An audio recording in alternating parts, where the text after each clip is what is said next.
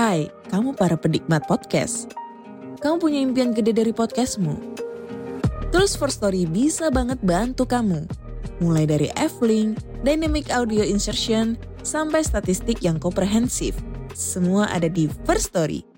Gak ketinggalan kamu bisa monetisasi podcastmu lewat iklan dari First Story Ads yang bisa kasih kamu penghasilan dari setiap place podcastmu. Yuk gabung sekarang dengan klik di firststory.me. Sekali lagi, klik di firststory.me. Mari kita bawa mimpi podcastingmu menjadi kenyataan.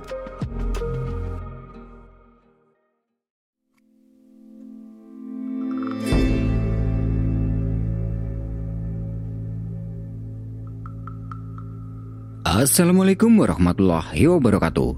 Jumpa lagi di Nyeritain Horor Podcast. Seperti biasa, pada kesempatan kali ini aku akan menceritakan kisah horor yang sudah dikirimkan oleh teman-teman kita. Dan tentunya, setiap kisahnya akan membuat bulu kuduk merinding. Sebelum mulai cerita, aku mau ngucapin terima kasih buat teman-teman yang udah follow podcast ini dan setia mendengarkan setiap kisah dari Nyeritain Horor. Seperti apa kisahnya? Stay tune.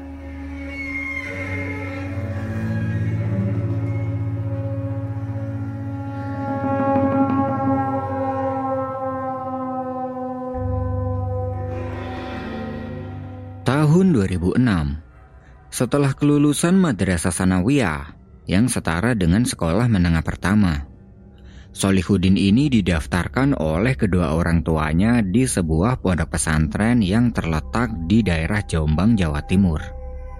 Sebuah pondok pesantren Salafiyah. Di sana, Solihuddin mulai mengenal teman-teman barunya dari berbagai daerah, dan dia menempati kamar kompleks satu. Jadi di pesantren itu ada lima komplek, yang setiap kompleknya terdiri dari lima kamar. Seorang santri dari keluarga yang sangat sederhana. Setiap ada libur pondok, dia pulang perginya menggunakan sepeda ontel yang sudah amat jadul. Istilah Jawanya itu sepeda unto. Udah pada tahu kan sepeda unto? Sepeda yang jadul itu yang biasa dipakai orang tua. Nah, setiap harinya Solihuddin menjalani hari-harinya layaknya seorang santri. Kalau pagi dia sekolah, sore mengaji diniyah, dan malam harinya mengaji kitab kuning atau kitab gundul.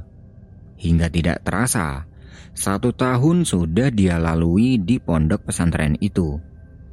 Sekarang Solih sudah duduk di kelas 2 alia. Seperti yang sudah diterangkan, pondoknya ini adalah pondok salaf alias pondok klasik. Sekolahnya satu lingkungan dengan pesantren, dan setelah maghrib, para santri diajarkan mengaji kitab-kitab kuning atau kitab gundul. Di antaranya adalah tafsir, usul fikih, hadis, dan semacamnya. Pada suatu ketika, Solihuddin mendapat tugas dari guru diniyah, yaitu hafalan kitab. Nah, ini sudah menjadi kebiasaan yang dilakukan banyak santri. Kalau ada tugas hafalan kitab, mereka selalu menghafalkannya di teras atas komplek yang ditempati Solik. Sebenarnya bukan teras sih, itu adalah bangunan tingkat yang belum jadi. Tapi, santri biasa memanfaatkan tempat itu untuk menjemur pakaian. Dan kalau malam, biasa digunakan untuk melepas penat karena tempatnya ini terbilang sangat nyaman dan sunyi. Benar-benar tempat yang sangat syahdu kalau malam-malam nongkrong di atas sambil melihat bulan dan bintang. Malam itu, Solihuddin memilih duduk di sudut untuk menghafalkan tugas dari gurunya itu. Ketika sedang fokus menghafal, tiba-tiba dia didatangi santri lain yang sebelumnya belum pernah dia kenal. Bertemu saja dia belum pernah. Permisi mas, mau setoran ya? Eh, iya nih mas, ada hafalan kitab dari Pak Hafiz. Saya ikut duduk di sini ya. Monggo, monggo, silahkan. Setoran itu berarti kalau kita ada tugas hafalan, nantinya harus setoran hafalannya itu ke guru mengaji. Santri itu kemudian duduk di dekat Solihuddin. Lalu Solih bertanya, Santri baru ya mas? Kok saya nggak pernah lihat masnya? Bukan, saya udah lama. Tapi kok nggak pernah ngeliat ya? Saya tinggal di kamar gubuk. Di pondok itu memang ada istilah kamar gubuk. Tempatnya berlokasi di pojok di antara komplek 4 dan 5. Kamar gubuk itu dibangun sendiri oleh santri yang sudah lama dan yang biasa menempati kamar itu sebagian banyak adalah santri yang sudah senior. Oh, pantesan saya nggak pernah ngeliat masnya. Namanya siapa mas? Tanya Solihudin sambil mengulurkan tangannya. Saya Gofur dari Jakarta. Oh mas Gofur, saya Solihudin, biasa dipanggil Solih. Dan saya dari Jombang sendiri. Solihudin ini bertempat tinggal di daerah pelosok Kabupaten Jombang. Nyes. Telapak tangan Gofur terasa sangat dingin ketika sedang berjabat tangan dengan Solih.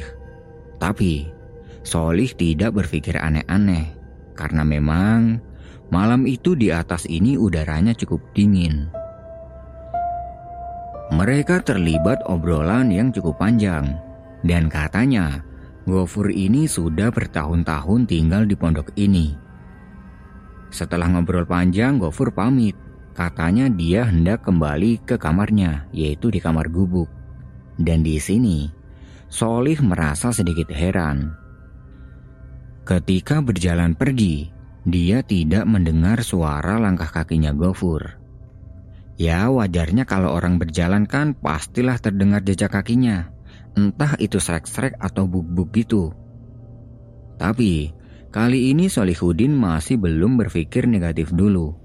Mungkin saja Gofur kalau berjalan ini kakinya diangkat tinggi-tinggi.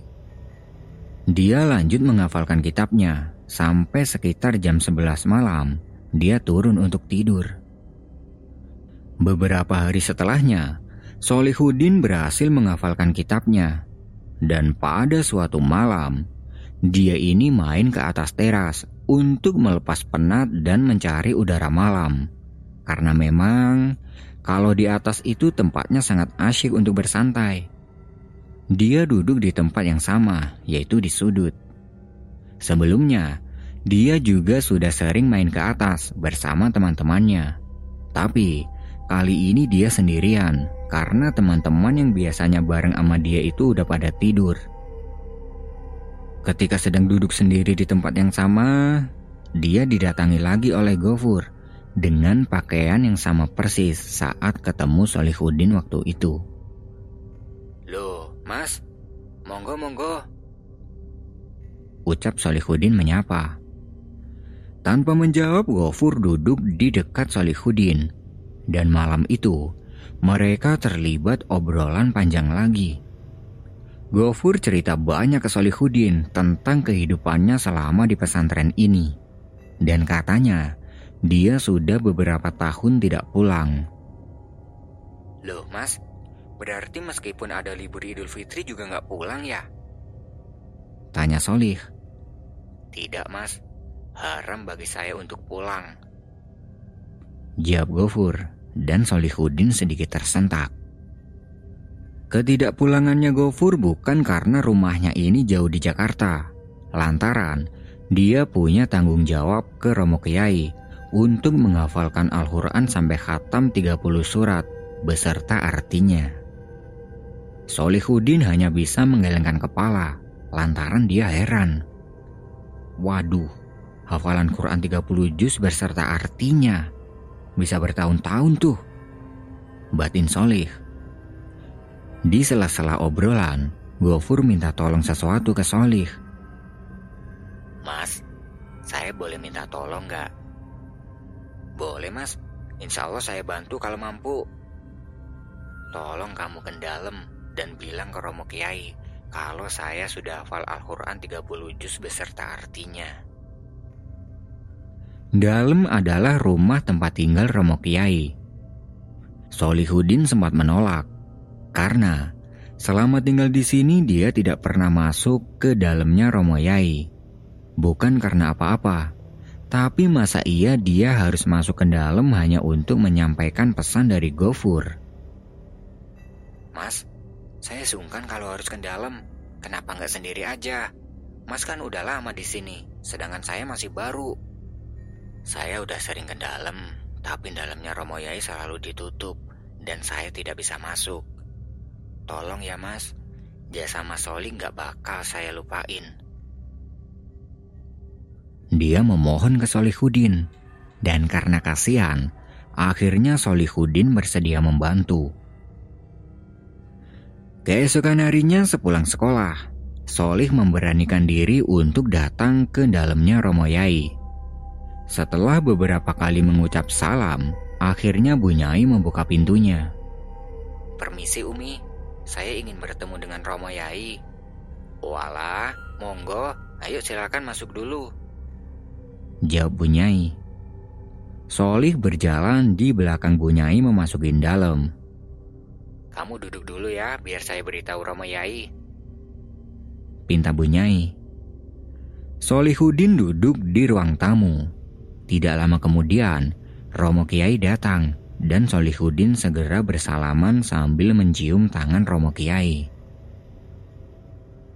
Apa yang membawamu ke sini, nak? Begini, Romo.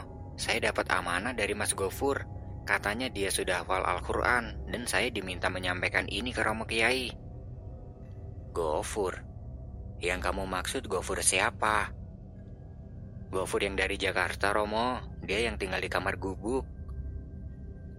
Romo Kiai terdiam sesaat. Lalu, beliau meminta Solihudin untuk minum air mineral yang sudah tersaji di atas meja. Kamu namanya siapa, nak? Dan rumahnya di mana? Saya Solihudin, Romo. Saya dari Peloso. Jadi begini ya, Solik. Saya mau cerita. Apa kamu mau mendengarkan? Inji Romo dengan senang hati. Di sini Romo Yai bercerita.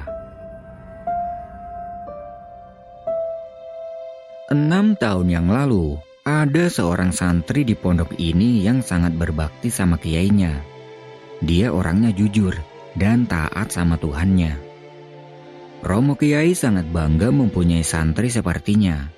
Sampai-sampai Romo Kiai sering mengajak santri itu untuk menemani Romo Kiai ketika beliau ada pengajian di daerah lain.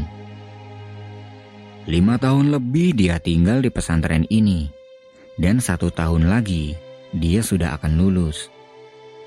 Beberapa bulan sebelum kelulusan, Romo Kiai memberi wasiat ingin menikahkan santri itu dengan santriwatinya.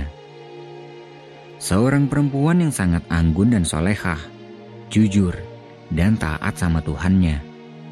Namanya adalah Ifah Nur Sobah, biasa dipanggil Ifah. Sebagai santri yang taat, dia menurut dengan apa yang menurut Romo Kiai baik baginya. Dia dipertemukan dan dikenalkan langsung dengan Ifah di dalamnya Romo Kiai, dan keduanya pun setuju. Hari berganti hari. Beberapa bulan setelahnya, Romo Kiai melihat sebuah kejadian yang membuatnya sangat kecewa. Namanya juga manusia, tidak luput dari salah dan dosa. Pada suatu malam, Romo Kiai ada pengajian di kampung sebelah. Bada Isya sepulang dari pengajian itu, beliau terhenti di depan dalam. Dan entah kenapa, beliau tiba-tiba melihat ke sebuah ruangan yang terletak di gedung sekolah lantai dua. Seperti ada kecurigaan di dalam hati beliau. Rasa penasaran mendorong beliau naik ke gedung tersebut. Hal ini benar-benar aneh. Padahal, sebelumnya Romo Kiai sangat jarang menginjakan kaki di tempat tersebut. Sebuah gedung sekolah berlantai tiga kalau pagi gedung itu digunakan untuk bersekolah, dan kalau malam digunakan untuk mengaji dinia. Perlahan beliau berjalan menuju ke ruangan tersebut. Beberapa anak tangga sudah beliau lewati tanpa meninggalkan suara jejak kaki. Nah, ketika hendak sampai di ruangan yang akan dituju, jantung beliau berdetak hebat. Beliau mempunyai firasat buruk Sesampainya di ruangan tersebut, yaitu ruangan kelas dinia. Dari jendela kaca, beliau menyaksikan sebuah pemandangan yang membuatnya ingin segera pergi meninggalkan ruangan tersebut. Astaghfirullahalazim. Ucapnya dengan spontan, seakan-akan beliau tidak percaya melihat kejadian itu. Masih berpakaian seragam dinia, santri dan santriwati yang menurut beliau taat sama Tuhannya itu sedang berciuman mesra. Mendengar Romo Kiai nyebut asma Allah, mereka berdua terlihat kaget dan segera menghentikan aksinya. Mereka hanya diam di tempat. Romo Kiai tidak berkata apa pun. Setelah menyebut asma Allah, beliau bergegas pergi meninggalkan tempat ini dan masuk ke dalam. Keesokan harinya, beliau memanggil kedua orang itu ke dalam. Sambil menitihkan air mata dan disaksikan oleh Bunyai, beliau memberi nasihat pada mereka. Perbuatan kalian ini dilaknat loh. Jangan anggap cuma saya yang melihatnya. Iya Romo, saya minta maaf yang sebesar-besarnya Romo. Jangan minta maaf ke saya, minta maaf sama Tuhanmu. Kalian ini sudah diajarkan agama loh di sini. Bisa-bisanya kalian berbuat seperti itu. Saya menyesal sudah mengenalkan kalian berdua. Romo Yai benar-benar sangat kecewa Santri dan santriwati itu menangis atas kesalahannya, hingga mereka ini siap kalau akan dinikahkan sekarang juga untuk menembus kesalahannya. Melihat mereka berdua sudah mengakui kesalahannya dengan tulus, akhirnya Romo Kiai memberinya maaf, tapi dengan syarat, yaitu mereka harus ditakzir Takzir adalah hukuman yang sudah ditetapkan oleh pihak pesantren bagi siapa pun yang melanggar aturan pesantren, entah itu santri ataupun pengurus pesantren. Mereka siap menerima hukuman apa pun dari Romo Kiai dan bersumpah tidak akan melakukan hal bodoh itu lagi. Selama tiga bulan, Iva harus membersihkan kamar mandi di pondok putri seorang diri, sedangkan santri yang laki-laki diberi hukuman dengan digunduli rambutnya. Bukan hanya itu, Romo Kiai juga memintanya untuk menghafalkan Al-Quran 30 surat beserta artinya, dengan tujuan agar santri itu paham kalau perbuatannya waktu itu adalah dosa besar. Bukan hanya itu juga, sebelum dia bisa menghafal Al-Quran, Romo Kiai mengharamkan santri itu untuk pulang, meskipun nanti sudah lulus. Hukuman yang digunduli itu memang sudah biasa diterima santri lain kalau mereka berbuat kesalahan di dalam pesantren. Tapi, Romo Kiai merahasiakan kesalahan mereka berdua ke santri lainnya. Hari terus berlalu. Untuk menembus kesalahannya, santri itu berjuang keras untuk menghafalkan Al-Quran. Sampai hari kelulusan tiba, teman-teman sebayanya pada pulang, tapi tidak dengan santri itu. Dia menetap di pondok sampai dia benar-benar sudah hafal Al-Quran. Pastinya, untuk menghafal Al-Quran itu tidak mudah, butuh waktu beberapa tahun, apalagi dia harus menghafal berserta artinya. Di tengah perjuangannya menghafal, santri itu mendapat kabar dari saudaranya di rumah kalau orang tuanya sedang ada masalah hingga bercerai. Mendengar kabar itu, santri ini merasa bingung. Kepalanya dipenuhi dengan masalah baru. Dia menanggung beban yang sangat berat. Ingin rasanya izin pulang, tapi tidak ada keberanian, mengingat tanggungannya di sini masih belum selesai. Dan dia juga tidak berani menceritakan masalah keluarganya itu ke Romo Kiai, karena menurutnya itu tidak ada sanggut pautnya dengan Romo Yai. Hari-hari dilalui santri itu dengan penuh beban, hingga pada suatu ketika, santri ini sudah benar-benar merasa frustasi. Berbagai cara dia lakukan agar bisa fokus ke hafalan Al-Quran dan tidak memikirkan kejadian di rumah, hingga dia ini meminum obat penenang. Pada suatu ketika, Romo Kiai dibuat kaget karena mendapat kabar dari pengurus pesantren kalau ada santri yang tubuhnya ini kejang-kejang. Kesadarannya hilang dan dia muntah-muntah. Beliau memerintahkan pihak pengurus untuk segera membawanya ke puskesmas terdekat. Tapi, pihak puskesmas tidak sanggup menangani dan merujuk santri itu ke RSU, Rumah Sakit Umum. Sesampainya di RSU, keberuntungan tidak berpihak. Santri itu mengembuskan nafas terakhirnya di RSU tersebut. Pihak rumah sakit memberitahukan penyakit yang diderita santri itu bahwasanya dia mengalami overdosis karena berlebihan mengkonsumsi obat penenang. Pihak pesantren berusaha menghubungi pihak keluarga santri itu, tapi tidak bisa. Hingga didatangi ke alamat rumahnya di Jakarta pun tidak membuahkan hasil. Rumah santri ini sudah kosong, tidak tahu pemiliknya pindah ke mana. Hingga akhirnya santri itu dimakamkan di desa tempat pondok pesantren tersebut. Romo Kiai benar-benar terpukul atas peristiwa ini. Beliau mendatangkan Iva ke pesantren untuk diberitahukan.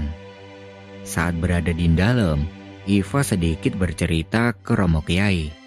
Kalau beberapa hari yang lalu, santri ini sempat menelpon Iva melalui wartel dan memberitahukan masalah keluarganya itu Iva juga sempat menyarankan agar minta keringanan pada Romo Kiai. Tapi, santri itu tidak mau karena dia tidak ingin mengecewakan Romo Kiai. Romo Kiai sangat merasa bersalah. Seandainya dia memberitahukan, pasti beliau tidak akan keberatan memberi izin pulang. Tapi, nasi sudah menjadi bubur dan semoga santri itu bisa tenang di alam sana. Santri itu adalah Gofur, Ahmad Maulana Gofur. Nah, sekarang kita kembali ke cerita Solihuddin. Mendengar cerita dari Romo Kiai itu, Solihuddin merasa antara kasihan dan takut. Kasihan atas kejadian yang menimpa Gofur dan takut kalau nanti Gofur mendatangi dia lagi. Kesimpulannya, Meskipun sudah meninggal, Gofur ini tidak lepas dari tanggung jawabnya pada Romo Kiai. Mungkin di alam lain Gofur terus menghafal Al-Quran, dan ketika tiba saatnya dia sudah hafal, dia ingin mengatakan itu pada Romo Kiai. Tapi dia tidak bisa masuk ke dalam karena terhalang sesuatu yang terpagar di sekitar dalam. Setelah bercerita panjang lebar itu, Romo Kiai bilang ke Solihuddin, Nanti pada asar kamu izin gak masuk dinia. Tulis saja di surat kalau aku yang nyuruh. Aku mau mengajakmu ke makam Gofur untuk ziarah. Inji Romo, saya mau. Saya mau ziarah ke makam Mas Gofur. Solih pamit untuk kembali ke kamar. Sesampainya di kamar, dia ini masih tidak habis pikir. Dia menaruh rasa empati pada Gofur. Pada asar dia dan Romo Kiai datang ke pemakaman untuk berziarah ke makam Gofur. Setelah mendoakan, Romo Kiai memegang batu nisan Gofur sambil berucap, Ahmad Maulana Gofur, wes oleh tanggunganmu wes lunas, kue sing tenang dek kono. Ahmad Maulana Gofur. Udah ya nak, tanggunganmu sudah lunas. Kamu yang tenang ya di sana. Kisah yang dialami Gofur ini memang pahit. Solih menjadikan peristiwa itu sebagai pelajaran yang sangat berharga, agar di kemudian hari nanti dia bisa menjadi santri yang taat pada Tuhannya dan bisa mengamalkan apa yang sudah dia dapat dari pondok pesantren.